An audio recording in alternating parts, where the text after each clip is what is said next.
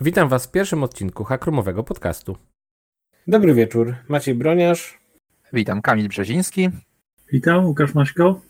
Cześć, Marcin Rusinowski. Chcemy troszeczkę zaradzić temu, co robi z nami COVID, czyli jednak przywrócić jakieś eventy w Hakrumie, a ponieważ nie da się tego robić przez jakiś czas fizycznie, to spróbujemy robić to wirtualnie. Myślę, że tematów do rozmów nam nie zabraknie, a przy okazji będziemy w stanie zrobić jeszcze parę fajnych rzeczy. Tak naprawdę pewnie powinniśmy zacząć od wyjaśnienia, co to jest Hackroom. Hackroom to jest takie miejsce, które założyliśmy już 3 lata temu, jako taką przestrzeń dla ludzi, którzy zajmują się retrokomputerami, troszkę tak naprawdę, żeby mieć miejsce, gdzie można sobie spokojnie nad tym sprzętem pracować, ale też po to, żeby wokół tego miejsca zacząć budować jakąś społeczność.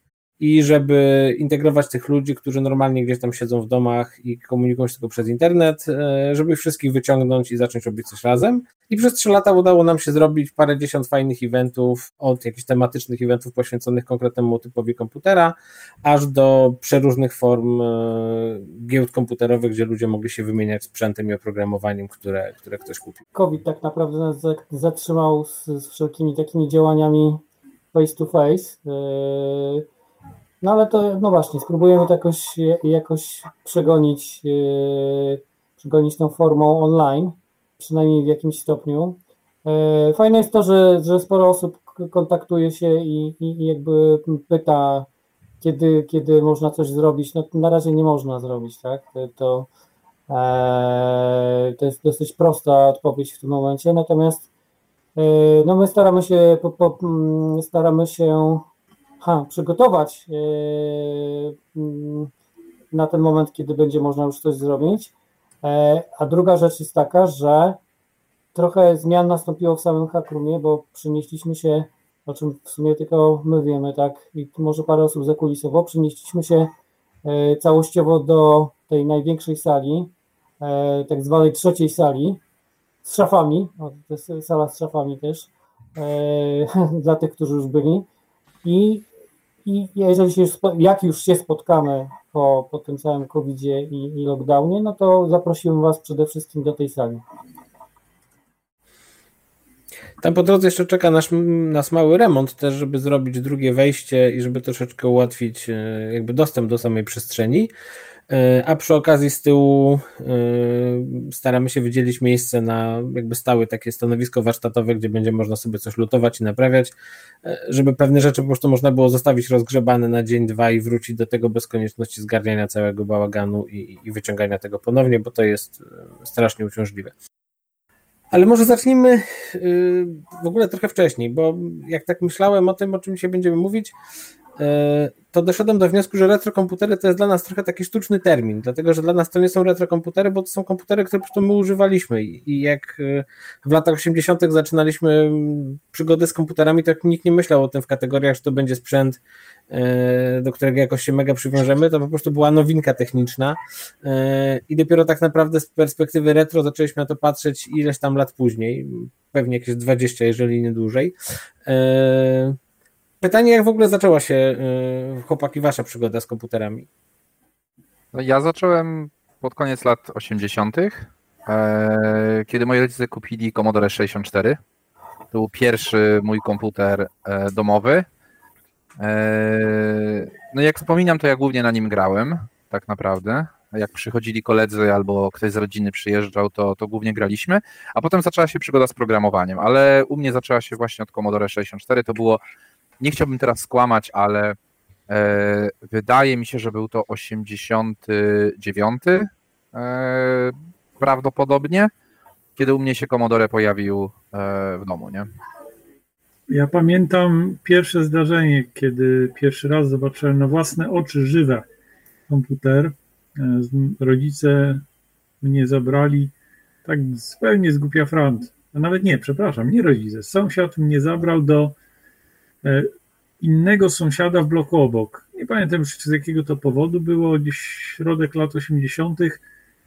I pamiętam, że e, taka grupka dorosłych siedziała wokół Atari 800 XL i grali, tudzież próbowali grać taką grę, która e, się nazywa Państwa i Miasta Europy, czy jakoś tak.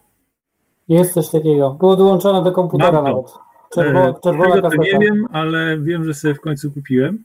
Natomiast pamiętam e, to zdarzenie, e, znaczy oczywiście dzieciakowi się nie dali dotknąć, natomiast pamiętam jak się zmagali z angielskim, bo trzeba było po angielsku wpisywać, nie za bardzo im to szło i z końca pokoju mogłem sobie popatrzeć. To pamiętam dosyć dokładnie.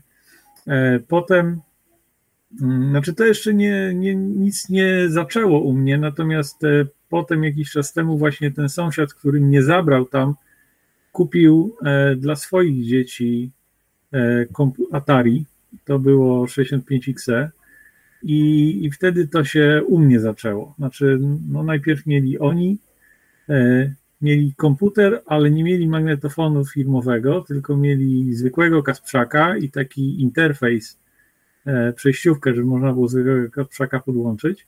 I to nawet działało. E, No, chodziło się do nich pograć. Natomiast e, e, no, chciałem mieć swój.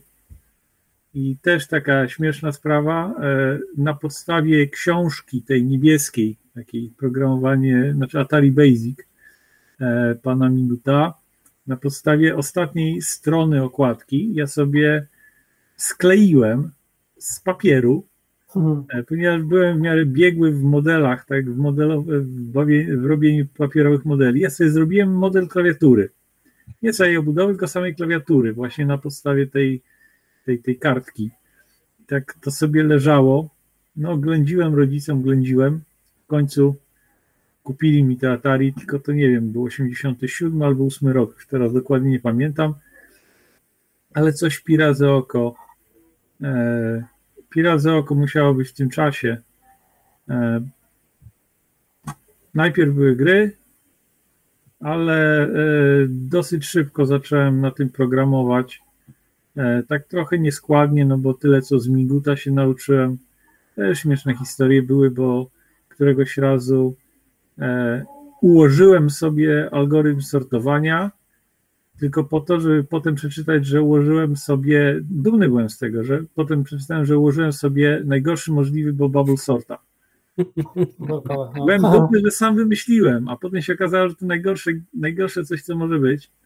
No ale to jakby człowiek się uczy. No i tak to u mnie wyglądało. Potem stacja doszła, a potem to wszystko poszło do kolegi, a ja się na PC-ty przesiadłem. No, i ja miałem styczność z komputerami głównie dzięki mojemu tacie, który, który był elektronikiem e, i do którego na jakieś takie serwisy różne dziwne trafiały przeróżne magiczne sprzęty w latach 80., e, bo pamiętam jak na początku lat 80. tata naprawiał jakąś konsolę typu e, Pac, nie, przepraszam, e, tak, Pac-Man, tam, tam był Pac-Man, pamiętam, że było coś w rodzaju Konga, em, Ponga, z jakąś taką wersją dla w sumie czterech graczy, bo był to rodzaj jakiegoś hokeja, natomiast wyglądało to tak samo jak Pong, czyli były dwie paletki i jeden kwadracik, który gdzieś tam e, przemieszczał się po ekranie, natomiast wtedy to była no, jakaś tam magia zupełna. E, I ja pamiętam, że tatę męczyłem no, dobre dwa lata albo, albo dłużej. Eee, To jeszcze miał to nieszczęście, po- ponieważ e, jak dostawał jakieś e, pisma od kolegów przywożone z zachodu z elektroniką, no to były reklamy komputerów, więc ja oglądałem te jego pisma z elektroniką po to, żeby obejrzeć te reklamy kolorowe. Eee, I pamiętam, że zamęczałem tatę o ZX81 i to był, nie wiem, chyba 83 rok, a może drugi nawet, bo nie było jeszcze wtedy ZX Spectrum na reklamach, czyli to musiał być e, pewnie początek 82 roku w porywach. Pamiętam, że tata powiedział, ten komputer nie ma w ogóle dźwięku, zobaczysz, będą jeszcze lepsze komputery. No i za jakiś czas były oczywiście. E, Ja chyba dzięki babci głównie, bo pamiętam, że nazbierała jakąś kosmiczną wtedy sumę e, 50 tysięcy złotych, ile dobrze pamiętam, bo w czerwcu 86 roku e, pojechałem z rodzicami do Peweksu, też tam z perypetiami różnymi, bo te komputery były wtedy bardzo słabo dostępne. Pamiętam, że te takie wrzutki tych komputerów były w małych ilościach 80,5 tysiąca złotych dokładnie Atari 800 XL w Powexie. Przeliczając dolarów to było 115 dolarów bodajże, coś takiego. E, ja nigdy nie widziałem takiej fury pieniędzy e, na stole położonej, to robiło wrażenie, tak? E, to były chyba 2,5 pensje, z tego co pamiętam, tak przeliczając.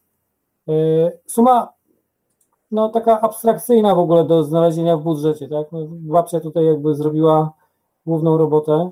Natomiast powiem tak, ja miałem to Atari bez magnetofonu przez od czerwca do chyba sierpnia miałem je bez magnetofonu, w związku z tym byłem skazany na wpisywanie wszystkiego yy, z jakichś tam listingów. I to taka była śmieszna sprawa, bo Większość listingów, które była wtedy konkretnie w 1986 roku, dotyczyła Basica nie Atari, tylko na przykład Spectrum, na Commodore było dużo rzeczy, na Atari było mało. I ja pamiętam, że się wkurzałem, że wpisuję jakieś tam, coś tam się miało narysować, wpisuję te współrzędne, no dobra, zmieniłem sobie draw na y, draw 2, y, ale to mi się nie rysuje. No i dopiero po jakimś czasie kupiłem sobie książkę do ZX Spectrum, zrozumiałem, że tam są troszeczkę inaczej te osie i troszeczkę inny zakres współrzędnych jest na ekranie. Dlatego nie chciało się rysować, tak? Wywalało błędy. E, I jak Łukasz powiedział o tym, o tym magnetofonie niefirmowym, to ja to doskonale pamiętam i rozumiem, bo mm, przez miesiąc używałem jakiegoś nerdowskiego magnetofonu, do którego mój tata zrobił. E, nie wiem, czy to było gdzieś w Młodym Techniku, czy w jakimś innym piśmie, gdzieś ten e, musiał być e, schemat tego urządzenia opublikowany, bo mój tata to zrobił. Pamiętam, że wtyczkę SIO do magnetofonu odlał z żywicy, zrobił formę jakimś, nie wiem, czy wystrugał, czy w czym to zrobił, odlał z żywicy tą wtyczkę, wsadził jakieś tam piny i, i, to, i to przez jakiś czas działało, tylko ten magnetofon no, był słaby i był do tego stopnia słaby, że umarł śmiercią magnetofonów. Yy, ja zostałem znowu bez magnetofonu, ale już zamęczyłem rodziców tak przez wakacje, że we wrześniu pamiętam, że odżałowali te 40 czy 35 dolarów, bo to mniej więcej tyle kosztowało i kupili magnetofon XC12, czyli przekleństwo każdego atarowca. Yy, natomiast ja miałem dwa genialne patenty. Yy, jednym patentem było dociśnięcie klapki. Idealnie pasował mały słownik polsko-angielski, angielsko-polski w takiej sraczkowato-brązowej y, obwolucie, ale idealnie dociskał klapkę i y, jak przychodzili koledzy, to ja wyciągałem słownik i mówiłem, szanujcie to. Kładłem, kładłem to na magnetofonie i, i to się wczytywało. Oczywiście żartuję, no, były momenty, że się nie wczytywało, to, to są już dzisiaj y, znane sprawy, że jest błąd w romie i gdzieś tam ta transmisja magnetofonu po jakimś czasie losowo może, może się wykrzaczyć. Natomiast yy, powiem tak, no z Atari spędziłem 3, 4 lata mniej więcej, bo pamiętam, że na początku 90 lat mój tata kupił, a w zasadzie złożył swojego PC-ta. Yy, najpierw z Herkulesem, później z Ego. Yy, jak tata właśnie zmienił na EGE kartę, ja pamiętam, że już byłem w liceum i yy, dorabiałem przepisywaniem Y, maszyno, no, maszynopisów na, na formę elektroniczną, bo wtedy redakcje przechodziły na takie bardziej elektroniczne formy składu.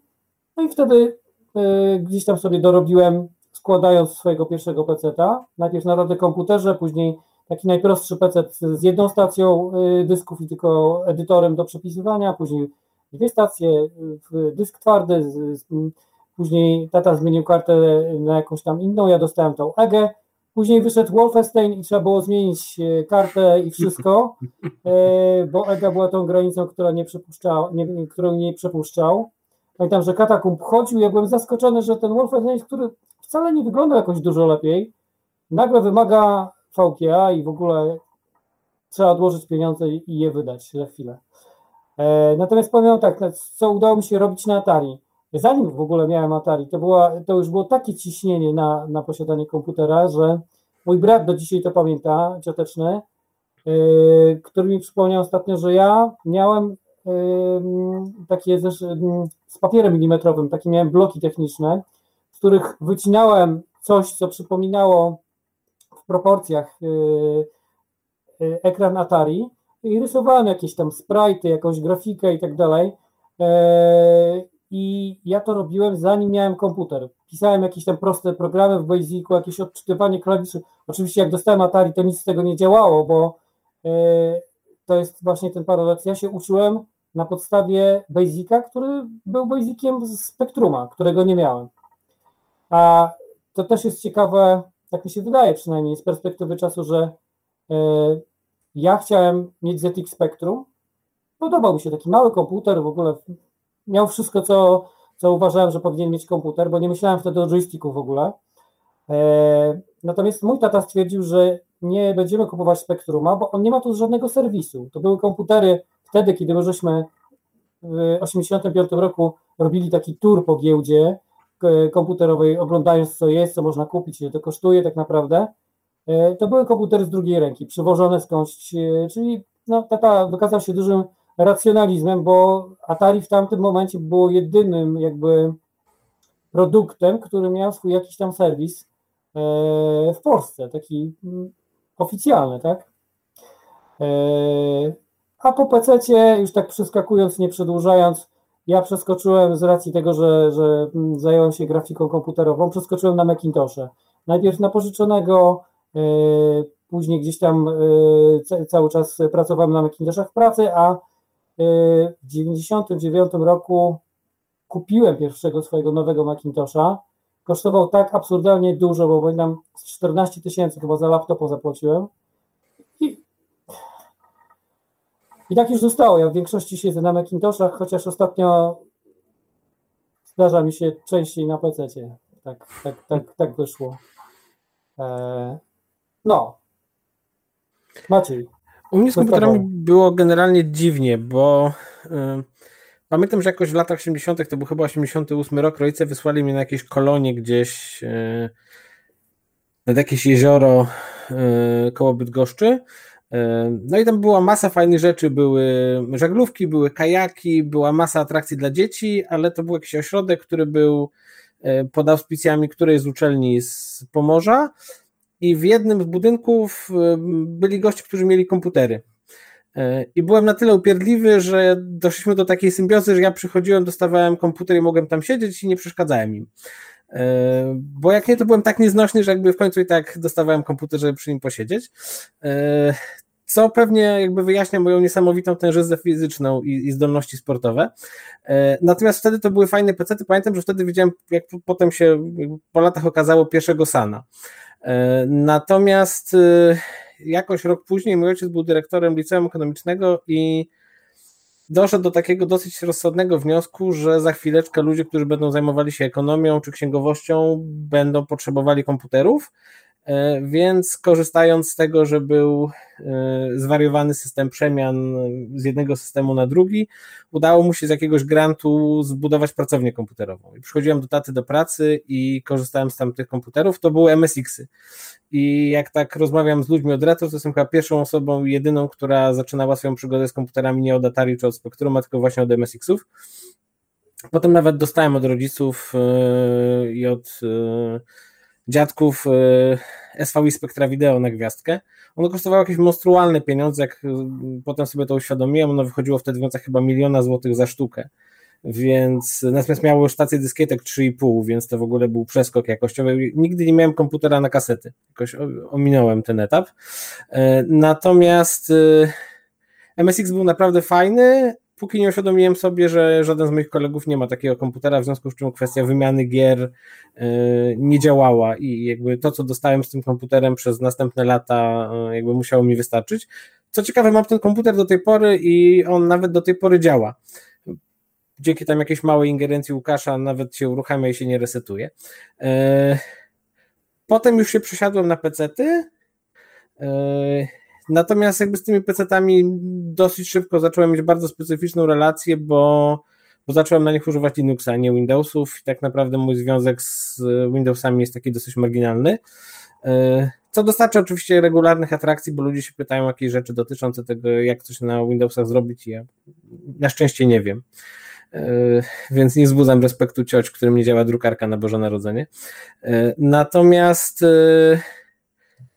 jakoś na studiach e, szukałem laptopa i nagle znalazłem promocję, gdzie jakaś firma sprzedawała e, iBooki G3 za bardzo rozsądne pieniądze, bo dało się je kupić poniżej 3000 zł. I to był mój pierwszy Macintosh, już potem tak zostało. To znaczy, od tamtej pory wszystkie moje następne komputery to były Macintoshe. I pewnie to się nie zmieni. No, pamiętam przeskok z PowerPC na Intela, teraz oglądamy przeskok z Intela na M1. Pewnie jeszcze tych przeskoków za naszego życia parę się wydarzy.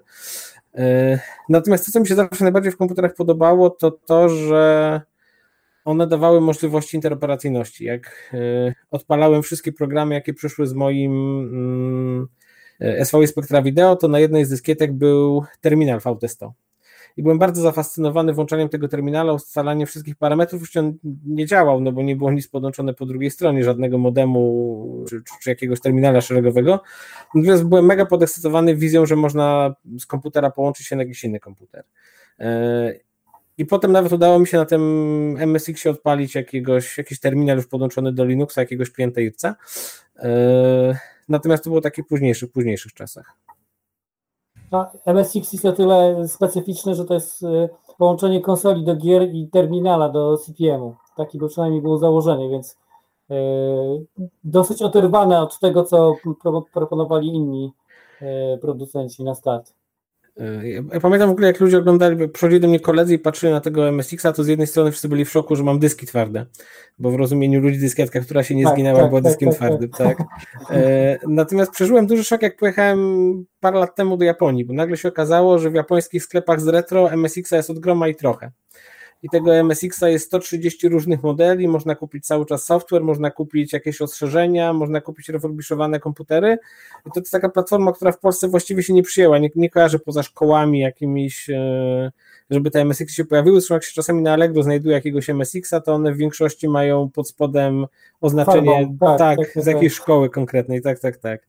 E, natomiast to się absolutnie w Polsce, tak mam wrażenie, rynkowo nie przyjęło. No, ale paradoksalnie tych MSX-ów na świecie sprzedało się bardzo dużo. To jest, wydaje mi się, że yy, no nie będę spoilerował, bo piszę, piszę do yy, Zin 80 w tej chwili artykuł o MSX-ach. Moim zdaniem sprzedało się ich więcej niż Atari na przykład. Więcej niż chyba niż ZX Spectrum paradoksalnie. Ale nie więcej niż Commodore 64. Na pewno, bo to jest komputer, którego się sprzedało najwięcej, był sprzedawany jeszcze w 1993 roku i produkowany, więc yy, to chyba jedyny taki dinozaur, który, który przetrwał. To dzisiaj to jest świetny komputer, no. Pewnie jest, słuchaj, no, jakbyśmy, jakbyśmy wyjęli z niego SIDA, to następuje to już nie ma degradacja, degradacja fenomenu. Ja się spytał, jak jest z tymi różnymi wersjami tych MSX-ów, jakby to do kupy zliczyć. Znaczy, są cztery gener- Słuchaj, są, to jest prosta sprawa, są cztery generacje MSX-ów. Yy, Pierwsza, będę brutalny, jest dla, taka pomijalna trochę, bo to jest taki spektrum ze sprite'ami i z AY yy, i z trybem znakowym, tak, bo spektrum nie ma trybu znakowego.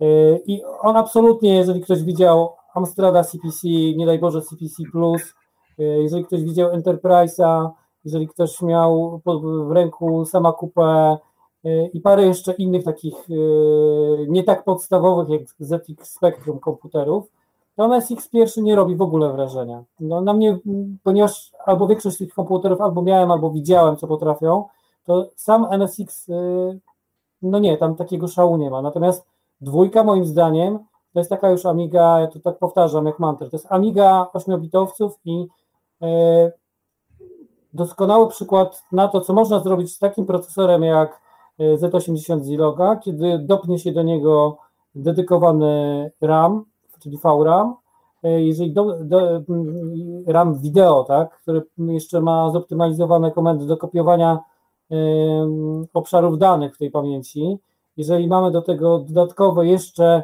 dedykowane układy, tak jak w Atari i w Commodore, to nagle ten komputer potrafi bardzo dużo, tak? E, no ale to jest taka, no mówię, pogadanka na dłuższy czas, tak? E, a powiedzcie mi, co, co Wam się udało takiego, bo wiadomo, dostawaliśmy ten komputer, e, prędzej czy później dostawaliśmy joystick, e, jakoś tam wgrywaliśmy te gry. Co takiego najbardziej abstrakcyjnego Wam się udało na tych komputerach zrobić? Ja Wam tylko tak powiem, co mi się udało. Nie, nie to, żebym się tak chciał chwalić, ale tak, żeby zagaić abstrakcyjność tematu. W pierwszej klasie liceum robiliśmy, znaczy w sumie robiliśmy przez kilka lat, ale robiliśmy taką gazetkę szkolną w formacie A5 i robiłem skład tego na Atari. Nie pamiętam w jakim, nie pamiętam w jakim edytorze, ale mieliśmy drukarkę D100, D100M chyba, Merabłonie czy coś takiego. Polską drukarkę. Mój ojciec dorobił interfejs taki, że można było z Atari drukować na tej drukarce i ja drukowałem to szpaltami, kleiłem normalnie na kartkę papieru Docinałem nożyczki, oczywiście wszystko, tam coś było dorysowywane. Zmniejszaliśmy to za 4 na 5, to były strony, strony gazetki. E, I jeszcze pamiętam, że to były już ostatnie podrygi e, mojego korzystania z Atari, z takich najbardziej abstrakcyjnych rzeczy, to było, robiłem z kolegą, ja nie wsiąkłem w ogóle w demoscenę w latach 90. i 80., natomiast wsiąkłem w scenę e, taką undergroundową, muzyczną i robiliśmy magazyn muzyczny, taki e, fanzine tak zwany, e, w języku angielskim. To miało chyba z 80 stron. E, robiłem to z kolegą, który był sąsiadem piętro niżej, który też miał Atari. Tak, tak to wyszło statystycznie. I robiliśmy to, w sumie jeden numer tylko zrobiliśmy. Później jakoś tam studia, nie studia, to się szybko potoczyło, ale to też pamiętam, było to klejenie, tylko ja już miałem to przećwiczone z pierwszej klasy liceum. Szpalty, coś tam dorysować, mamy stronę. Natomiast mój tata na przykład projektował płytki na Atari. Miał jakiś program taki graficzny, w którym to robił. Wiem, że to był polski program. Nie, szukałem to ostatnio w archiwum e, na, na, na jakimś tam forum Atari i znalazłem coś, tylko zapomniałem się taty zapytać. Projektował na tym płytki, drukował, drukował to na czymś w rodzaju kalki technicznej E, i robił fotoodbitkę, to znaczy jakoś tam emocją światło czułą smarował płytkę e, i w łazience pamiętam, że strasznie śmierdziało i on jakieś tam straszne, straszne rzeczy robił. E, i miał później wytrawione, miał wytrawioną płytkę do jakichś prototypów. Mój tata jest generalnie elektronikiem, projektują, był, bo teraz jest już na emeryturze, projektował różne, różne zabezpieczenia yy, alarmowe, sterowniki do win, jakieś takie rzeczy. Część z tych rzeczy te w latach 80. była, była robiona na Atari, tak paradoksalnie. Wiesz co, u mnie jakby abstrakcyjnych rzeczy nie było, ale ja jestem z natury bardzo pragmatyczny, nie abstrakcyjny. E, natomiast u mnie komputer to był pierwszy kanał zarabiania pieniędzy, bardzo szybko. I to w takim dosyć dziwnym modelu, e, bo bawiłem się jakimiś tam animacjami, nagle odkryłem, że animacje robione na małym turystycznym rosyjskim telewizorze wyglądają ładniej, bo ten telewizor ma tak fatalny ekran, że to rozmycie jest fenomenalne i, i dużo wygląda to lepiej niż na jakiejkolwiek potem unitrze. Natomiast miałem na osiedlu pana, który miał warsztat samochodowy. I ten pan był takim standardowym Januszem biznesu, więc za pompowanie rowerów czy piłek brał kasę. A jak masz tam lat 10 czy 12, to jakby gotówka to nie jest to, co posiadasz w ilościach nadmiernych. Natomiast pan miał wyważanie opon odpalane na komodorcu. I to mu się psuło raz na jakiś czas, bo on nie umiał tego wczytywać. Więc się kiedyś z nim dogadałem tak, że mu napisałem jakiś taki absurdalnie prosty program w Basicu, gdzie on wpisywał jedną komendę i to mu się włączało i mógł już potem sobie te opony wyważać. I deal był taki, że wtedy już miałem pompowanie roweru, piłki, czego tam potrzebowałem gratis. Więc potem outsourcowałem to kolegom, w sensie jakby już koledzy nie mieli tego bonusu, natomiast ja miałem kanał pozyskiwania gotówki od kolegów za pompowanie roweru kompresorem. Podjeżdżałeś z rowerami kolegów, tak? Tak, oczywiście, że tak. Bardzo bym się nie zdziwił. Kiedyś, jak już byłem na studiach, czyli to było z grubsza tam naście lat później, zajrzałem do tego warsztatu i dwie rzeczy się nie zmieniły. Dalej wisiały tam takie dosyć paskudne gołe baby na ścianach i dalej goś używał tego komodorca do obsługi wyważania yy, kół. Nie mów, że to jest ten Commodore z wiralowy. Nie, to nie, nie, nie, to nie jest to wiralowe Commodore. Tak jakby ja, to jestem jednak... z Trójmiasta. Tak, tam jest. Widać, że tak. jednak Commodore służyło, skoro to nie był jedyny warsztat ten, ten wiralowy, tylko Maciek mówi, że miał inny. Musiał jest... być soft napisane. Wiesz, to był jakiś soft i mam wrażenie, po prostu jakaś firma ściągająca całe te, bo to ja w kilku miejscach widziałem jakby tego typu rozwiązania. Mam wrażenie, że ktoś przywiózł kiedyś do Polski cały taki kit i po prostu to ludziom sprzedawał. Y, więc no, biorąc pod uwagę też to Commodore się nie psuje, znaczy tam się nie za bardzo jest co popsuć. No, jak ci kondensatory nie strzelą, to pewnie one w stanie długo działać. Chyba, że joystick przyłączysz w trakcie. No ale joysticka w, w, takim serwisie pewnie nie, nie było, nie? A ja mam właśnie fajną historię abstrakcyjną z Commodore, bo u mnie Commodore był przez pierwszych parę e, lat jako, jako pierwszy komputer w domu.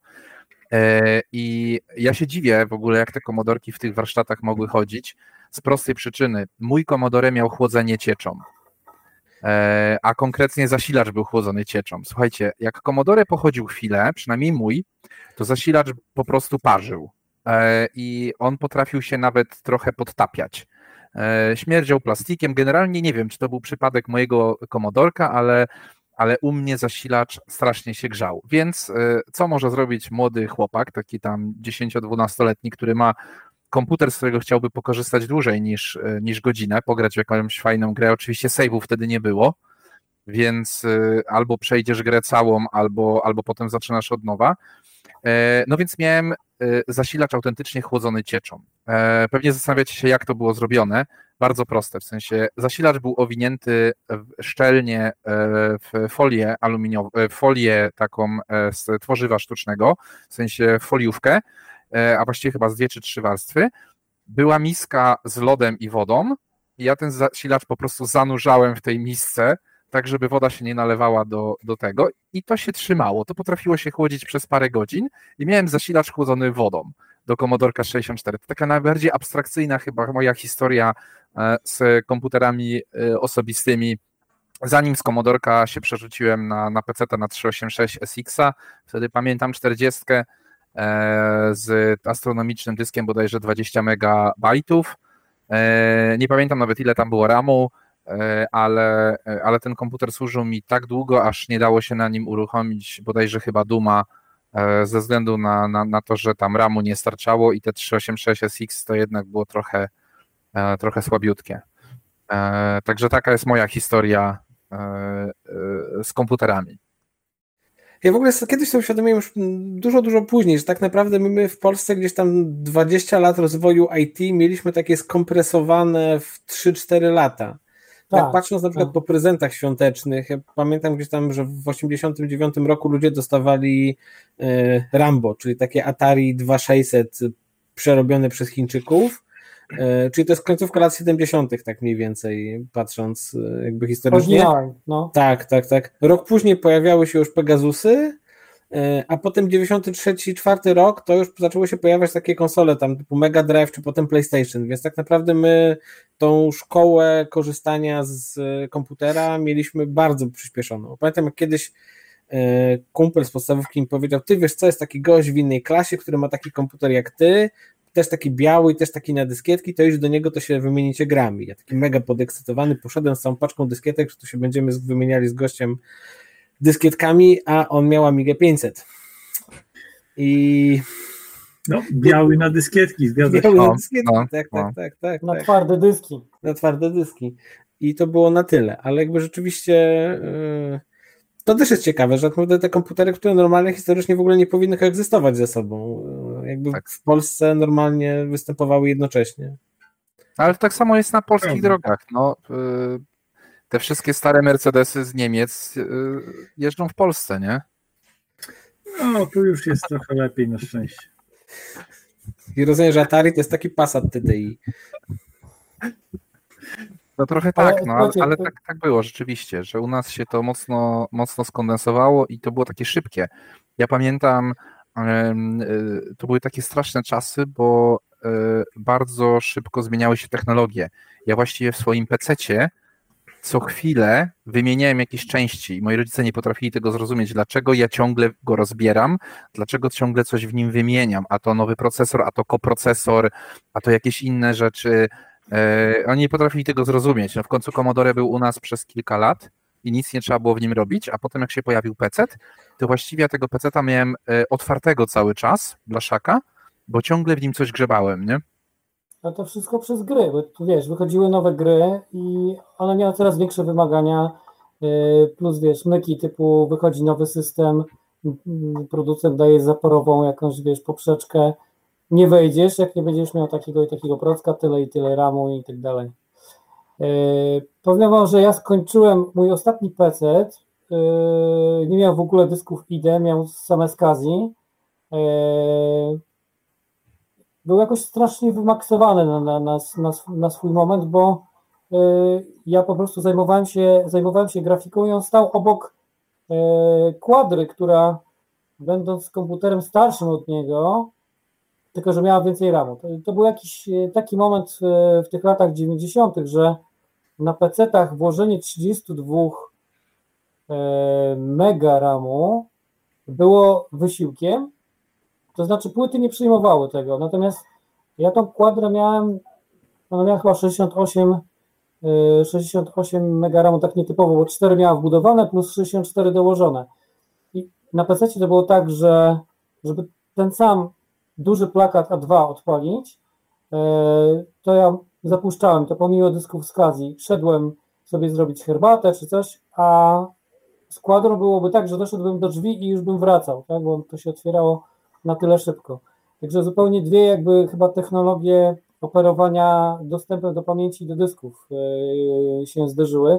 Niestety to później nadgoniło, ale lata 90. moim zdaniem, jeżeli chodzi o takie rzeczy techniczne, do muzyki, do, do dźwięku, to, to pamiętam, że wtedy Macintoshe były w sensie praktycznym yy, do przodu, bardzo do przodu, ale kosztowały tyle, co naprawdę bardzo dobry samochód wtedy. Yy, to były, to były naprawdę czasy, kiedy ludzie zastanawiali się, czy kupić dom, czy wyposażyć firmę w ileś tam komputerów typu Macintosh, bo to były takie, takie pieniądze. Ale tak mi się przypomniało, jak Maciek opowiadał o tych spektra wideo, z jaką grą się najwcześniej zetknęliście? Albo która wam gdzieś tam zapadła tak, że no właśnie, że jest to taka jakieś takie mocne wspomnienie. Ja pamiętam, że strasznie zazdrościłem koledze, bo dostał dwójka z Niemiec Amiga 500. Ja miałem wtedy jeszcze Atari. To była końcówka lat 80. i zobaczyłem grę Hostages. I ona była dla mnie jak film. Z poziomu Atari była gra jak film. I pomimo, że jakoś nie przepadam specjalnie za tą grą, to to miałem i mam do niej straszny sentyment. A jak, jak u Was z, z takimi jakimiś rzeczami?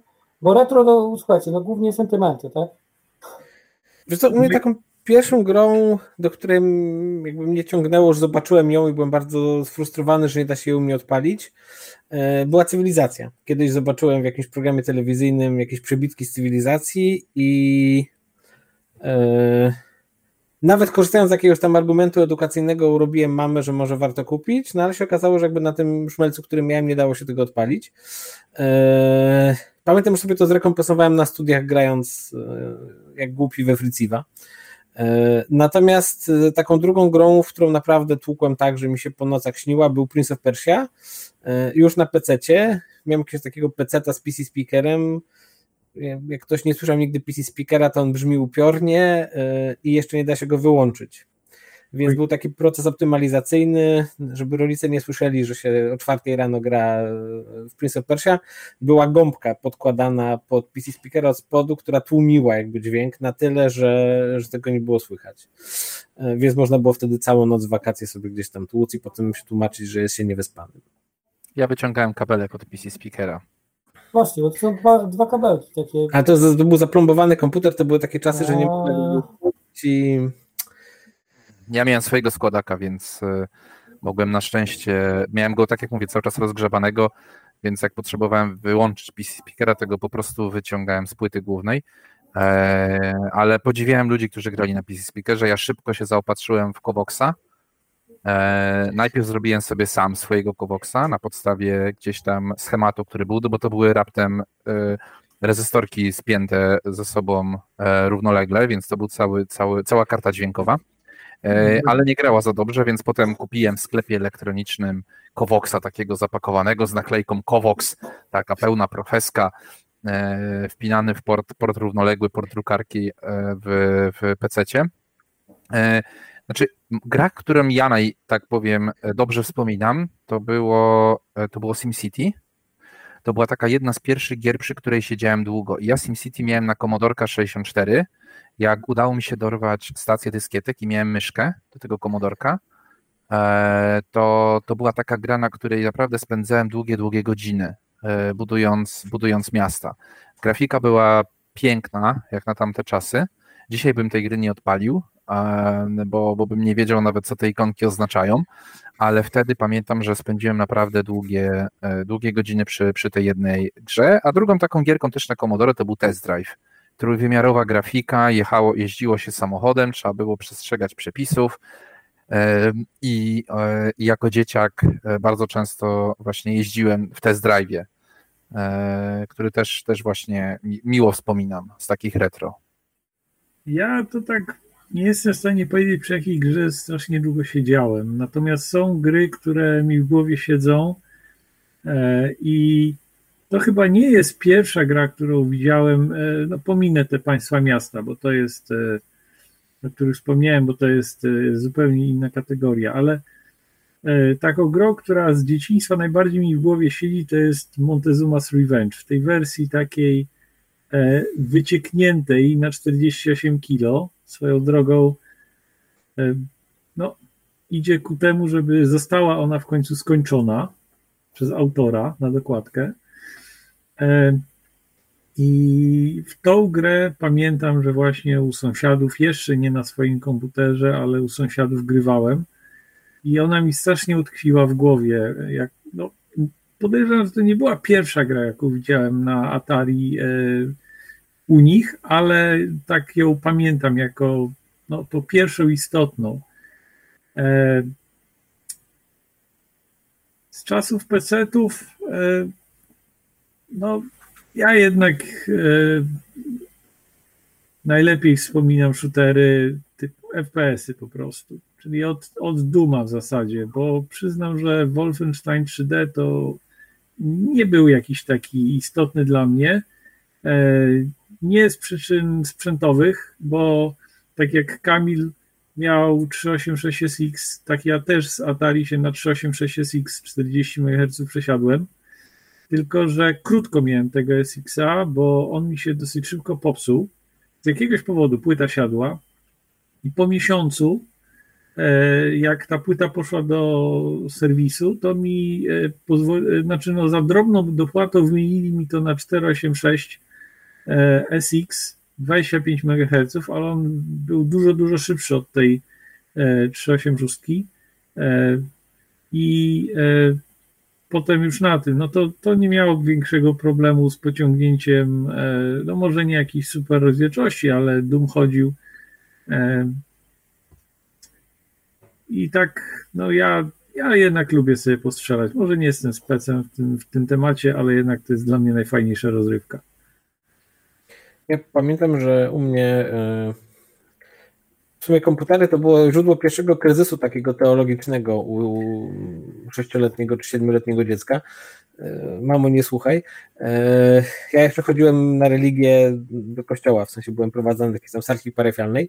Pamiętam, że ta religia była strasznie nudna. Znaczy, te panie opowiadały jakieś takie bardzo dydny mały, które jakby średnio mnie interesowały, a koło kościoła był taki salon z grami, takie esencja PRL-u, taki wóz. Y, wóz trzymały. Tak, dokładnie, taki po prostu barakowóz, w którym byli jacyś panowie Menele i, i, i automaty z grami. Chodziłem tam grać w Gunfighta, któregoś razu obczaiłem, że w sumie mogę wyjść z tej lekcji nikt nie zauważa, mogę pójść sobie pograć, a potem wrócić i jakby jest ok. I nic się nie stało, piorun mnie nie poraził, więc jakby istnieje szansa, że sprawczość tej opatrzności jest nie do końca funkcjonalna. Eee, i robiłem tak bardzo regularnie, chyba tej pani też niespecjalnie przeszkadzało, że nie chodziłem miała święty spokój ode mnie. E, a któregoś razu tam się pojawił Fighter. I to już naprawdę było takie e, wow. To był jeszcze ten pierwszy Street Fighter, ale jakby patrząc na grafikę, patrząc na to, jakie to było fajne, byłem absolutnie zafascynowany. Pan, który prowadził ten salon był to był takim menelem, w związku z czym y, niespecjalnie patrzył, kto gra i czy wrzuca te żetony, czy nie. Można było chodzić do niego, brać te żetony w kółko i w kółko grać, więc ten biznes mu splajtował w pewnym momencie, pewnie z tych przyczyn. Y, natomiast jakby rzeczywiście rynek arcade to było coś, co mnie strasznie wciągało i ilekroć potem miałem okazję tam na jakichś wakacjach, wyjazdach y, pograć, to naprawdę chętnie z tego korzystałem, bo to też były takie rzeczy, które się na konsolach czy nawet na PC-tach nie, nie pojawiały jak w 95 roku zobaczyłem Tekena i to Shindena odpalone na automacie na takim wielkim ekranie, no to jakby zbierałem szczękę z podłogi, bo to było coś, czego w domach nie mieliśmy jeszcze przez lata. No, gry japońskie, tak? To jest zupełnie inna kultura i e, zadziwiające jest, jak to jest tam popularne wśród, wśród ludzi e, i nadal, nadal funkcjonuje, tak? Te automaty nadal tam funkcjonują. To dosyć dobrze. E, ja sobie tak przypominam z takich śmiesznych rzeczy jeszcze związanych ze starymi komputerami. To kiedy, wam już chyba opowiadałem kiedyś, ale to też e, podzielę się to, tym tutaj. E, bo generalnie Amstrady i Schneidery to były komputery w latach 80., które mało gościły w domach, ale gościły w e, Wojsku Polskim, które pozamawiało sobie trochę takich zestawów. I ja pamiętam, że kiedyś wujek zabrał mnie był pracownikiem VAT-u. E, jako podpułkownik gdzieś mi tam zabrał, zabrał na taką wycieczkę, mogłem wziąć kolegę, więc wziąłem tego kolegę, który też miał Atari, ale żebyśmy zobaczyli sobie tam różne rzeczy, siedziałem w helikopterze, w jakimś tam e, samolocie, no ale plus tego była pracownia, tak, znaczy pracownia komputerowa. To były dwa komputery operacyjne. Jeden to nie wiem jaki to był komputer, ale drugi, drugi na pewno był Schneider, yy, to był Schneider.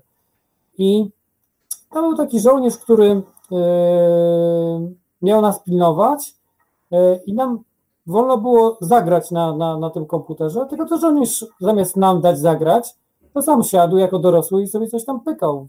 Jakaś prosta gra, coś tam spadało, trzeba było łapać. No i cholera nie dał, nie dał nam grać i w pewnym momencie ktoś go zawołał i ten drugi komputer był chyba jakimś terminalem. E, tam się coś wyświetlały, jakieś takie dziwne symbole, co jakąś linię e, przeskakiwało to i wtedy, kiedy kolega grał, ja podszedłem, coś tam sobie zacząłem klikać tą klawiaturę z, nud, z nudów. No i ten komputer przestał działać, bo przestał jakby przechodzić do następnej linii, wyświetlać e, te następne znaczki. E, więc szybko w panice tam siedliśmy obaj na jednym krześle przy tym komputerze i ściemnialiśmy, że gramy, nie? No i okazało się, że e, tamten komputer rzeczywiście się zawiesił e, i trzeba było ściągać kogoś, kto był na urlopie, który potrafił to odpalić to jeszcze raz. To nie, nawet nie było nikogo wtedy na wacie, żeby, żeby to odpalić. Także taka śmieszna historia. Ale powiem wam, że yy, mieliśmy szczęście z jednej strony, bo dorastaliśmy wraz z technologią. To w tym momencie jest to bardzo chyba słabo zauważalne dla dzieciaków, bo one rodzą się, już są smartfony, tak naprawdę rzeczywistość jest naszpikowana już tą elektroniką, a my pamiętamy jeszcze czasy, kiedy ta elektronika była, no tak jak mówiliście, u sąsiada na przykład, tak? E, pamiętam, że w podstawówce, jak byłem w szóstej klasie i, i, i dostałem ten komputer, e, tak ja go dostałem na, na początku czerwca, czyli jakby kończyłem szóstą klasę, to nie miał nikt komputera. Po wakacjach miały w sumie trzy osoby, trzy osoby i jakby z równoległej, y, równoległa klasa to była tylko jedna, więc y, stamtąd ktoś miał IBM-a, bo był synem dyrektora i generalnie pamiętam, że przez kilka miesięcy nawet nie za bardzo znałem kogoś, z kim mogę się czymś wymieniać, bo kolega w klasie, który miał WIG20, no niestety nie, nie, nie był w stanie pomóc. E, a była jakaś dziewczyna, której rodzice czy ktoś z rodziny przywiózł z wycieczki jakiś komputer z Japonii. Być może to był nawet jakiś MSX, bo to 86 rok, to już sporo tych modeli się pojawiło, ale to był komputer, na który w ogóle absolutnie, może to był Sharp na przykład, była ja na pewno japońskiej firmy jakiś komputer, natomiast absolutnie ona nie miała żadnych programów, nic jej się nie zgadzało z tymi listingami, które były w, bajt, w bajtku, które wpisywała. E, to były za duże różnice, więc ona miała tylko źródło frustracji, jeżeli chodzi o temat, e, temat komputera. E, także tak, tak śmiesznie czasem z tym wszystkim bywało. Człowiek coś dostał, a niekoniecznie to, co to było realnie do użytku, tak? To w ogóle jakby są takie rzeczy, których już kolejne pokolenia w ogóle nie kojarzą. Yy, kasety magnetofonowe. Kasety magnetofonowe. Ja, jak moim studentom, którzy tam no, w tym momencie są rocznikowo gdzieś pewnie 99-2000, yy, opowiadam na przykład, jak się bawiłem w latach 90. we Freaking, znowu mamo nie słuchaj, yy, to oni pytają się po co? Przecież można wziąć telefon z kieszeni i zadzwonić. Jakby dla nich w ogóle koncepcja, że, e, że telefonów nie było albo że były upiornie drogie e, i że zadzwonienie, nie wiem, do innego miasta było pewnym problemem logistycznym, to w ogóle się nie mieści w głowie. E, mam takiego, znaczy miałem wtedy kolegę, który spotykał się z niespecjalnie fajną dziewczyną. I ja się kiedyś zapytałem go tak wprost, ale stary, ona jest absolutnie niefajna. Po co? Bo jej ojciec ma modem, i jeszcze zostały mi trzy dyskietki Heroes of Might and Magic do ściągnięcia. I on chodził do niej ściągać tych Heroesów na dyskietkach i faktycznie zerwał z nią, jak już ściągnął do końca tego nieszczęsnego Ariota, czy sprawdził, czy mu się rozpakowuje, żeby w razie czego nie było fakapu. E, ale jakby właśnie takie koncepcje pod tytułem no przenoszenie, pamiętam jak nosiłem z kolegami jakiegoś Duke'a 3D na dyskietkach, te dyskietki tam było z 60 i się mhm. latało, rozpakowało tego rara, tam cięło to się na 1.44, żeby to się mieściło, są takie absolutnie dziwne rzeczy, które w ogóle już nikt nie rozumie zupełnie w sensie dla, dla, dla tych ludzi właśnie to jest retro, a dla nas to jest rzeczywistość, nie? No taka przeszłość trochę, już nie przesadzajmy. E... Marcin od CPC wspomniał, ja pamiętam e, pierwszy raz e, CPC widziałem nie w wojsku, bo nie miałem kontaktów, ale e, mój tato był marynarzem i kiedyś na statku jeden z marynarzy miał, tam jeden z załagantów miał właśnie 4, 464 y, i e, z zielonym monitorem. Pamiętam właśnie, że raz e, tam gdzieś mnie zabrali do niego i pamiętam też do tej pory, próbowałem grać w ping-ponga. Tak ni cholery to nie szło. Nie wiem, czy, znaczy no sterowanie po prostu jakieś inne, w ogóle nie byłem w stanie zagrać to, no ale panowie tam się zagrywali. E, to tak też utkwiło w głowie. Ale wiecie, to, też jest tak, że jakby my, mam wrażenie, że to nasze bawienie się, no bo prawda jest taka, że wszyscy kupowaliśmy komputery do grania, no opowiadaliśmy rodzicom, że to jest do nauki i tak dalej, e, ale wszyscy wiemy, jak z tym było. E, natomiast dla większości z nas to była jakaś taka ścieżka trochę zawodowa. Pamiętam, jak kiedyś na moim komputerze yy, chciałem grać w Mortal Kombat, który w zależności od wersji trochę był upierdliwy, bo wymagał tam różnego ustawiania pamięci. Tam trzeba było to EMM 386 w różny sposób ustawiać, żeby ta gra działała optymalnie szybko. I się rzeczywiście narzeźbiłem tego, nauczyłem się to klikać, zrobiłem w ogóle jakieś sobie menu, żeby dało się jakby te predefiniowane tam ustawienia do Mortala dwójki, trójki robić. I potem yy, jakiś znajomy rodziców zaczął się żalić, że mu jakiś program y, kadowski nie działa, bo właśnie rzuca jakimiś błędami pamięci. Ja mówię, ja to nie ma problemu, to można poprawić, ja to wszystko tutaj wiem. Y, i pamiętam, że generalnie mu to wszystko wyklikałem, dostałem wtedy za to chyba 100 zł, jakby nie wiedziałem w ogóle jako gówniarz co z taką kasą robić, bo to w ogóle jesteś królem życia, jak posiadasz 100 zł i masz tam 13 czy 14 lat. E, ale to trochę tak działało, to znaczy jakby nagle zaczynaliśmy rozumieć ten sprzęt i jakby to była właśnie duża taka przewaga e, jak teraz patrzę na jakieś tam dzieciaki w rodzinie, którym się psuje komputer i jakby go to reakcją jest zanieść do serwisu, no to już trochę tak nie działa. To mam wrażenie, że gdzieś ten mechanizm się zmienił. Wiesz co, bo y, to jest pokolenie, których wszelkie rzeczy takie manualne, gdzie trzeba samemu coś zrobić, ominęło. My składaliśmy swoje komputery w pewnym momencie. Tak. tak. E, e, ponieważ nie było pewnych rzeczy, trzeba było jak czymś tam zastępować, trzeba było omijać, tak? Jesteśmy nauczeni rozwiązywania problemów, a nie, a, a nie zrzucania ich e, komuś, tak? Tak, ale też czasy są inne, wiecie co, y, bo y, rzeczywiście ja pamiętam mm, swojego blaszczaka składałem, sam go sobie serwisowałem. Jeżeli coś mi nie działało, to nie wiem, szedłem do kolegi, pożyczałem od niego jakieś y, rzeczy, sprawdzałem u siebie, nie wiem, cokolwiek, RAM, dysk, jakkolwiek sobie radziliśmy. Ale mówiąc szczerze, w tej chwili żyjemy w takich czasach, że jak coś się dzieje z moim komputerem albo z jakimś sprzętem, to ja po prostu z racji tego, że nie mam czasu, ja, ja wyślę to do serwisu, zawiozę to do sklepu, szczególnie, że gwarancję masz zwykle dwuletnią. Kiedyś jednak jak się kupowało na giełdzie, albo w jakichś dziwnych miejscach te części. Tej firmy nie było, po miesiącu już jej byś nie znalazł. Tak, to, to nie miałeś gwarancji, radź sobie sam, tak? E, nie wiem, jak, jak moi rodzice na przykład, nasz pierwszy komputer, ten 386SX, on był ściągany z Niemiec, on nie był kupowany w Polsce. My mieliśmy komputer, który był kupowany w Niemczech i jak mi dysk twardy padł, to my naprawdę tam rodzice na rzęsach stanęli, żeby załatwić dla niego serwis, no bo to był dysk twardy, który kosztował te 20 tam mega pojemności i udało się znaleźć kogoś ze znajomych, kto jechał do Niemiec i on z tym dyskiem pojechał i mu wymienili. Ale generalnie to było tak, radź sobie zwykle sam, nie? E, teraz jest trochę inne czasy i, e, i fakt, że my byliśmy tymi dzieciakami pewnie, bo tak jak Macie opowiada, ja też byłem takim dzieckiem, gdzie rodzice mnie e, zawozili do jakichś znajomych, bo coś tam na komputerze przestało im działać, a to jakiś wirus, a to, e, a to trzeba było coś tam pomóc. E, I to dzięki temu właśnie, że, że od dziecka, od małego e, miałem kontakt z komputerami, potem sam składałem i, i ba, ja nawet pisałem wirusy, więc dobrze znałem system, wiedziałem jak to wszystko działa. E, I, e, I dzięki temu e, ta ścieżka zawodowa, kariera potoczyła się trochę inaczej, tak, niż, nie wiem, moich kolegów czy, czy koleżanki ze szkoły, które nie miały kontaktu z komputerami, a nawet jak miały, to właściwie tylko grały na tych komputerach, nie? Bo ja miałem masę kolegów, którzy mieli Amigi, czy, czy, czy Komodorki, czy, czy potem pecety i właściwie nic, tylko grali. A ja byłem jednym z tych tam niewielu, który robił sobie jakieś programy, jak trzeba było, albo, albo pisałem gry, albo pisałem te wirusy, e, po to, żeby się nauczyć, bo mnie to fascynowało po prostu, nie? I, i teraz dzieciaki, część dzieciaków też fascynuje, nie wiem, siedzą w Scratchu, robią jakieś rzeczy, uczą się programowania, ale jak coś się zepsuje, no to już nie weźmie lutownicy i nie będzie naprawiał, bo nawet nie wie, jak lutownicę złapać, nie?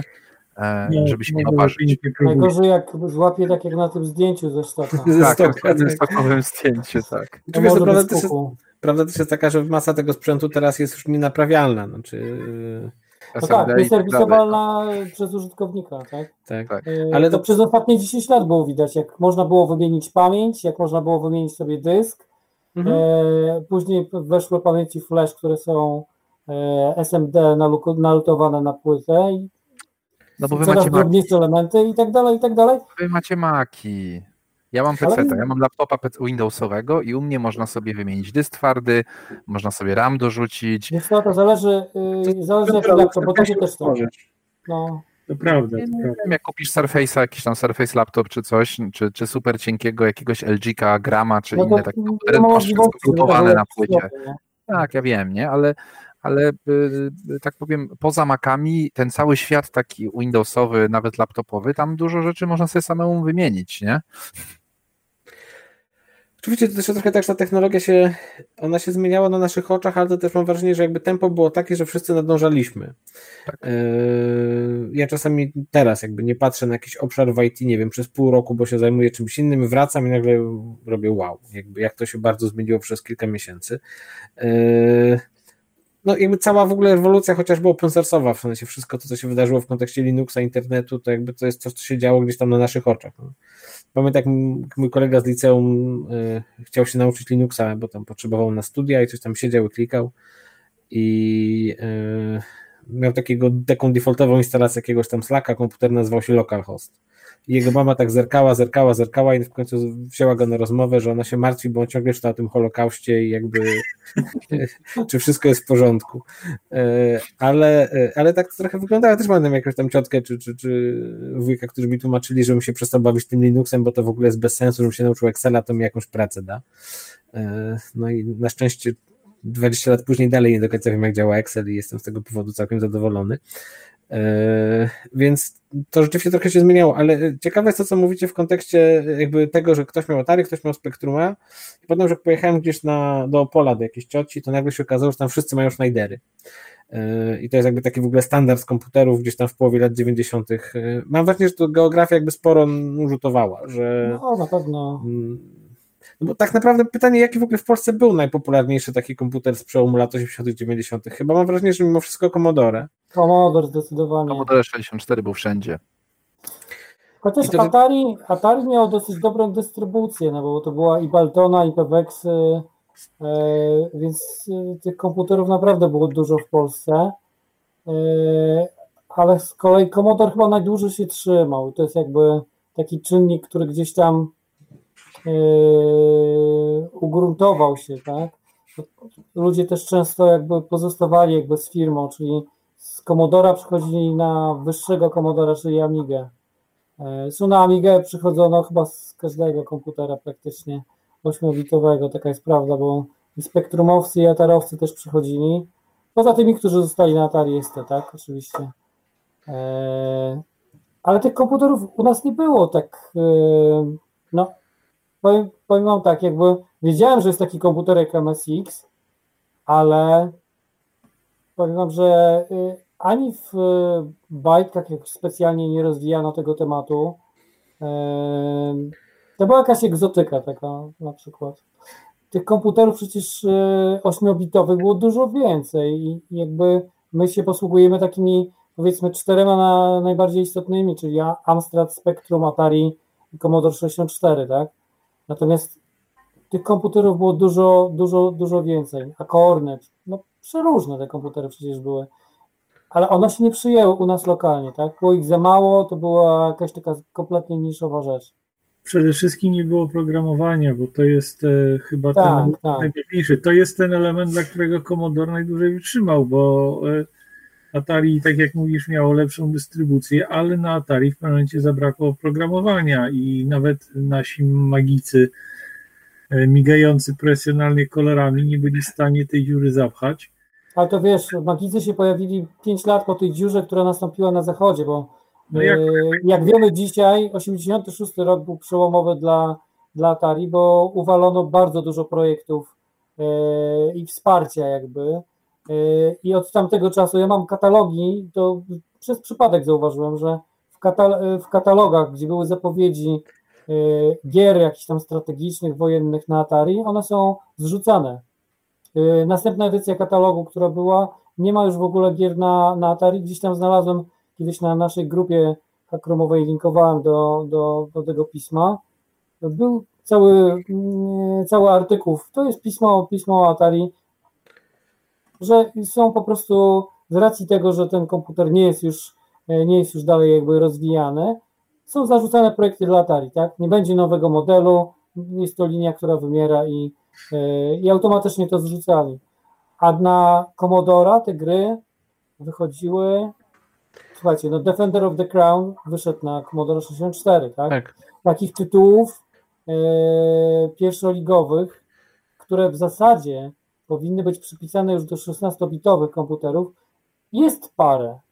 Zresztą no, paradoksalnie nawet na ZX Spectrum Lemi, Lemingi wyszły. Mhm. Ja byłem w szoku. To jest jakby gra, która chyba jest jedna z objętościowo najdłuższych gier na, na ZX Spectrum E, w sensie kasety, do takiego multiloadingu tego wszystkiego, ale wyszły. To jest po prostu e, kwestia tego, że pewne platformy, no niestety, wyparły inne platformy albo producenci po prostu e, poszli w następne modele, w następne generacje. W przypadku Atari to i tak była dosyć długa droga, bo do 78 roku do 87, bo chyba wtedy XEGS wyszedł, to i tak jest dosyć długa droga tego samego komputera tak naprawdę, jeżeli chodzi o bebechy. No wiesz, no na, na Commodore 64 przecież wyszedł Street Fighter drugi, ten port jest no taki właśnie, dosyć ułomny, ale, ale wyszedł, jest grywalny, więc to... No plus Commodore też jakby samo z siebie nie wygasło, no potem była 128 i to też w dwóch smakach, więc to... Ale 128 miała krótki żywot, bo to były, nie tak, wiem, tak, tak, tak, dwa lata, czy coś tak, takiego. Tak, niecałe. Mhm. Natomiast 64 od tego 82 roku bodajże, y, no to słuchajcie, 11 lat w 8-bitowych to jest y, no naprawdę mhm. Y, wynik godny pozazdroszczenia. No. Przebija to tylko, to też tak na zasadzie na zasadzie jakiegoś dobiegnięcia do mety na czyichś plecach Apple 2, tak, bo Y, pod koniec lat 80. mamy e, Apple 2 GS i mamy jeszcze później cały komputer Apple 2e w postaci karty do Macintoshy, który, który w latach 90. jeszcze żywił Apple'a, jeżeli chodzi o szkolnictwo i takie kontrakty edukacyjne.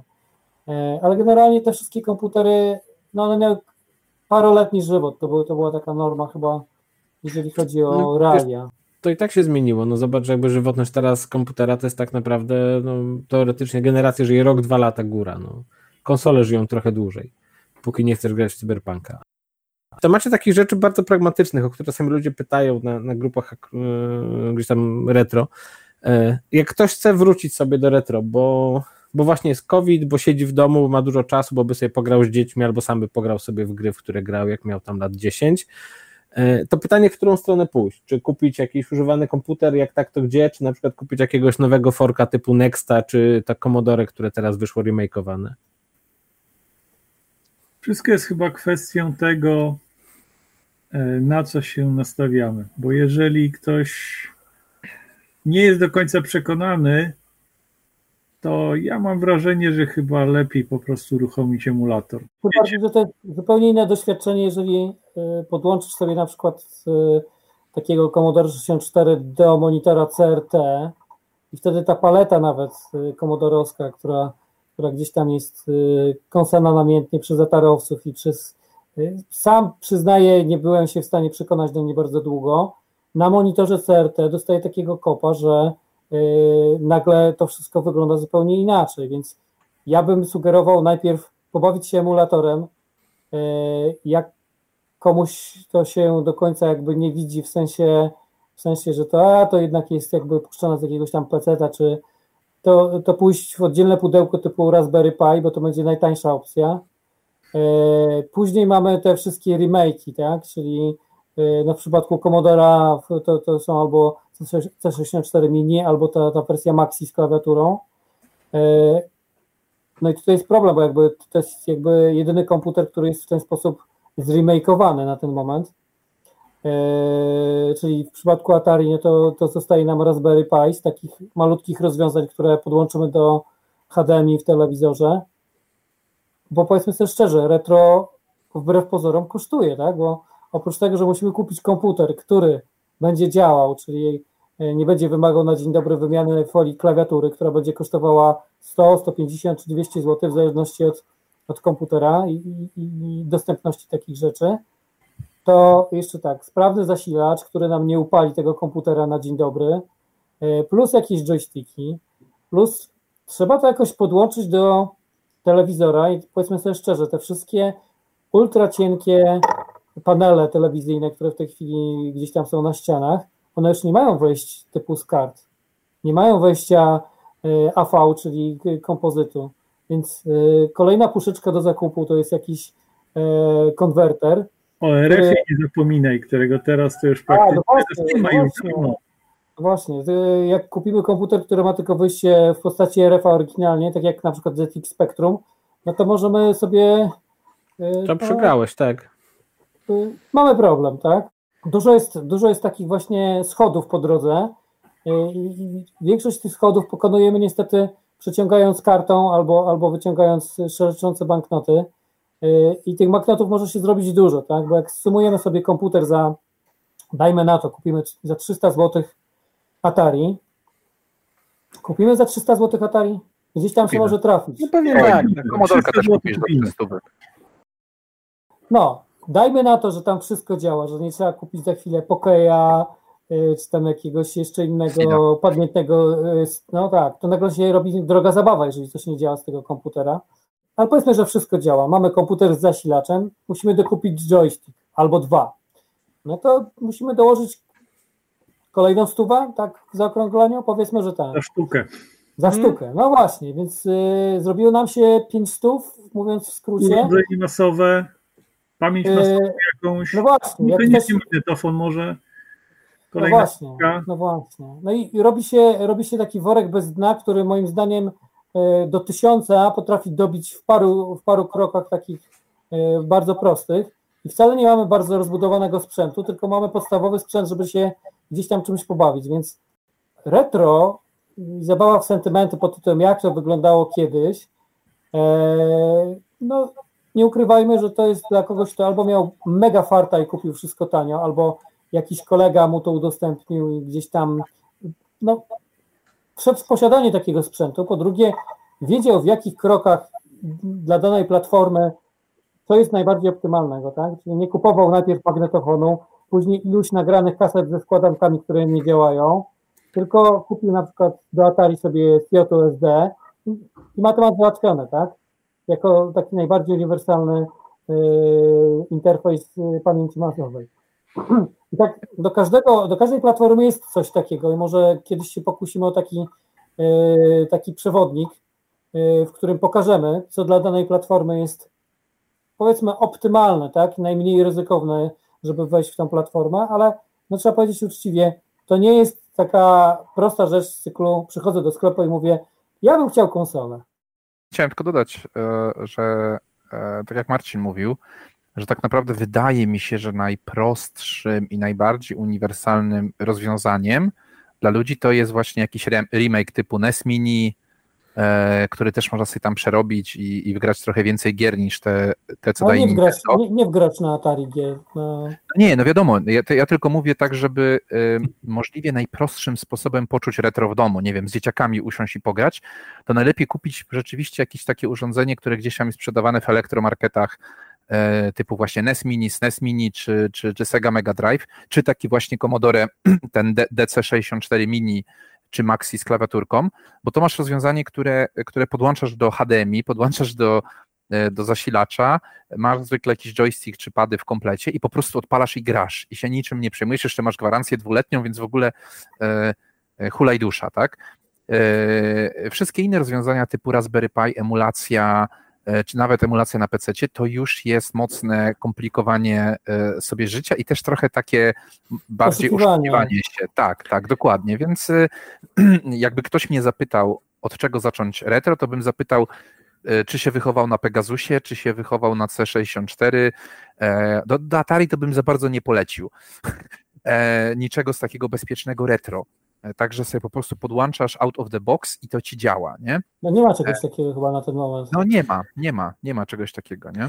Co, jedyne, co jest w miarę fajne do Atari, to jest klon, no tak naprawdę 7, tam 800, yy, zrobiony przez Ad Games, tylko on jest mobilny, ale rzeczywiście jakby mam, gram od tam półtora roku jest spoko, no takie granie w autobusie yy, gdzieś tam w Frogera jest w porządku. Prawda też jest taka, że granie na emulatorach, czy nawet granie jakby na sprzęcie, który jest nowszy, troszeczkę już zmienia odbiór. Ja kiedyś włączyłem na moje 1200 Canon Fodera, ale mam myszkę optyczną, podłączoną przez jakiegoś tam Toma czy Jerego. I tak siadłem i tego Canon Fodera przechodzę, jestem tam w połowie gry, nie zginąłem ani razu tak zacząłem zastanawiać się, przecież ta gra była cholernie trudna, znaczy tam resetowałem tę misję dziesiątki razy gdzieś tam z kumplem, a tutaj tak właściwie casualowo pykami przechodzę bez wysiłku i nagle świadomiłem sobie, ok, no dobra, no jakby precyzja myszki w porównaniu z jednak fatalną myszką amigową, kulkową, e, a tu mam wielki telewizor, myszkę z laserowym czujnikiem, no to jakby poziom trudności sam z siebie się zoptymalizował. Ale rzeczywiście jakby te urządzenia takie właśnie wbudowane, czy to zrobione gdzieś tam w wersji mobilnej, czy, czy po prostu te wszystkie Nesy Mini i inne wynalazki, są chyba najfajniejsze na początek, one też nie są bardzo drogie można je bez problemu kupić gdzieś tam na Allegro za jakieś 2-3 stówy i, i troszeczkę na zasadzie zobaczyć, czy się wkręcisz. No bo nie oszukujmy się, no retro jest studnią bez dna. No jak ja policzyłem kiedyś, ile moja 1200 sumarycznie kosztowała, to jestem w stanie naprawdę kupić takiego bardzo konkretnego peceta za tą 1200. Yy, takiego do Gosia... Cyberpunka, nie? Tak, Gosia, nie słuchaj, to jakby... Nie się, to, to nieprawda. To nieprawda, tak. Jaki można mieć. Tak, ja jakbym kiedyś umarł przez przypadek, to ci koledzy ci powiedzą, jak to sprzedać, żeby to się zwróciło. To złomy. Weźmiemy, weźmiemy, tak. To trzeba zutylizować. no, moja, żona, moja żona mówi o tym wprost złom, nie? Elektrośmieci. Co jest smutne. Ja widzę też po waszych twarzach, jak łza Łzy, ja zawsze, lecą, ja zawsze używam tego argumentu, że po prostu my jesteśmy stali w uczuciach i to jakby się na różne obszary życia przenosi. Nie wymieniamy na nowsze. O, to jest dobry argument. To jest dobry argument. Prawda też jest taka, że mam wrażenie, jakby ja śledząc rynek retro gdzieś tam od paru lat, mam wrażenie, że jest masa takich ofert, które są po prostu próbą przycięcia kasy. Yy, I pojawiają się nagle właśnie absolutnie ceny z sufitu, które powodują, że wszyscy podbijają tą cenę, no bo jeżeli ja wrzuciłem moje Atari za 600 zł, a tu wszyscy je puszczają za 1200, no to ja też muszę podbić cenę. I chyba dużo lepiej rzeczywiście, jeżeli się tego sprzętu szuka, to po prostu zapytać nawet na jakiejś grupie retro, tak jak u nas na garażówce, y, bo wtedy można ten sprzęt kupić y, po pierwsze w rozsądnej cenie, a po drugie kupić go no jednak sprawnego. Bo ja czasami widzę na przykład znajomych, którzy tam kupili właśnie okazyjnie y, Atari, to Atari jest nieużywalne. bo jest tak naprawdę zniszczone, poprzepalane, pouszkadzane, połamane i tak dalej. Czy... Tak, no, z każdym komputerem są jeszcze pewne specyficzne problemy, które mogą wystąpić i tak. yy, dobrze o nich wiedzieć, tak? E, to, że w spektrumie z 1982 roku dzisiaj działanie taśmy e, klawiatury to jest raczej bardziej niż pewne, że nawet jeżeli działa przez chwilę, to jak sobie ponaciskamy po tych e, za chwilę 39 latach, no to ona nie będzie działać, tak? A jak ją otworzymy, jak otworzymy obudowę, to na bank ta mm, taśma zostanie nam w rękach w którymś miejscu. Mhm. Tak to było wykonane. Y, to nikt nie zastanawiał się, co z tym będzie za 40 y, lat. Tak? I tak cud, że to tak długo działa. O, no właśnie. Mała szansa, że y, komputery z naszych, że tak powiem, aktualnych teraz lat będą tyle działały. Ja też mam wrażenie, że nie będzie takiego, e, jakby nie będzie sceny retro na przykład z komputerów z lat 2010-2020. E, po części też dlatego, że ten sprzęt właściwie się bardzo nie zmienia. Znaczy paradoksalnie, no tak jak prawo mura przestało działać, tak samo jakby rozwój software'u. No, tak naprawdę dekadę temu korzystałem w dużej mierze z tego samego software'u, co teraz. No. Prawo mura Może... działa, to troszkę inaczej. No, no tak, no ale jakby Będą komputery kwantowe w domach, to te komputery, które mamy obecnie, 64-bitowe, one przejdą do retro. No. Czy komputery kwantowe, które będą działać albo nie, tak? W, w temacie kupowania wracamy z garażówką. 17 w niedzielę o 16. Całkiem w niedzielę. Niedziela jest wyśmienita. Generalnie zapraszamy, bo będzie można troszkę sprzętu retro kupić w, w, po pierwsze w dużo lepszej jakości, bo przetestowanego, sprawdzonego i to nie jest jakby sprzęt na zasadzie działał 20 lat temu, teraz nie mam jak sprawdzić. Czy to, co się regularnie zdarza, komputery, które po wyjęciu z kartonu tak śmierdzą fajkami, że należy je potem trzymać przez dwa miesiące w kawie, żeby ten zapach wyciągnąć metoda na kawę jest wyśmienita, polecam. Natomiast, y, no po drugie, będzie można je kupić w miarę rozsądnej cenie i też jakby dowiedzieć się od razu, co do niego dokupić albo czego brakuje, bo naprawdę jest taka, że retro to jest studnia bez dna. I nieważne, który komputer kupisz, jak sobie policzysz na takie startowe peryferia, które chcesz, jakiś interfejs SD, jakąś, jakiś interfejs do joysticka, myszki, cokolwiek, zasilanie i tak dalej, nagle ci wychodzi kolejny parę stów, więc to tu gotek, tu jakiś akcelerator, tu ultimate, więc nie, nie, to się robi droga zabawa, plus część rzeczy po prostu trzeba dodatkowo zamontować, no, w sensie dolutować po prostu. A my z, z Kamilem, bo będziemy prowadzić tą garażówkę za tydzień w niedzielę, czyli 17. Zapraszamy serdecznie. Będzie dużo ciekawych rzeczy i mam nadzieję, że też coś tam poopowiadamy, jakieś ciekawostki związane z tymi rzeczami, więc Zapraszamy. Tak, a w międzyczasie zapraszamy na naszą grupę facebookową, gdzie można jakby na bieżąco z nami pogadać i jest też masa innych fajnych ludzi, którzy siedzą w retro i, i dużo na ten temat wiedzą. Dziękujemy bardzo. Mam nadzieję, że nie zanudziliśmy Was na śmierć. Jak macie jakieś uwagi czy tematy, o których byście chcieli posłuchać, to dajcie znać w komentarzu i słyszymy się, mam nadzieję, znowu niebawem. Do zobaczenia, dobrej nocy wszystkim. Do zobaczenia. Cześć. Na razie, cześć. Hackroom, zwłaszcza teraz, w trakcie pandemii, nie mógłby działać bez wsparcia naszych przyjaciół i patronów. Wszystkim Wam, którzy wspieracie nas w serwisie Patronite, bardzo dziękujemy.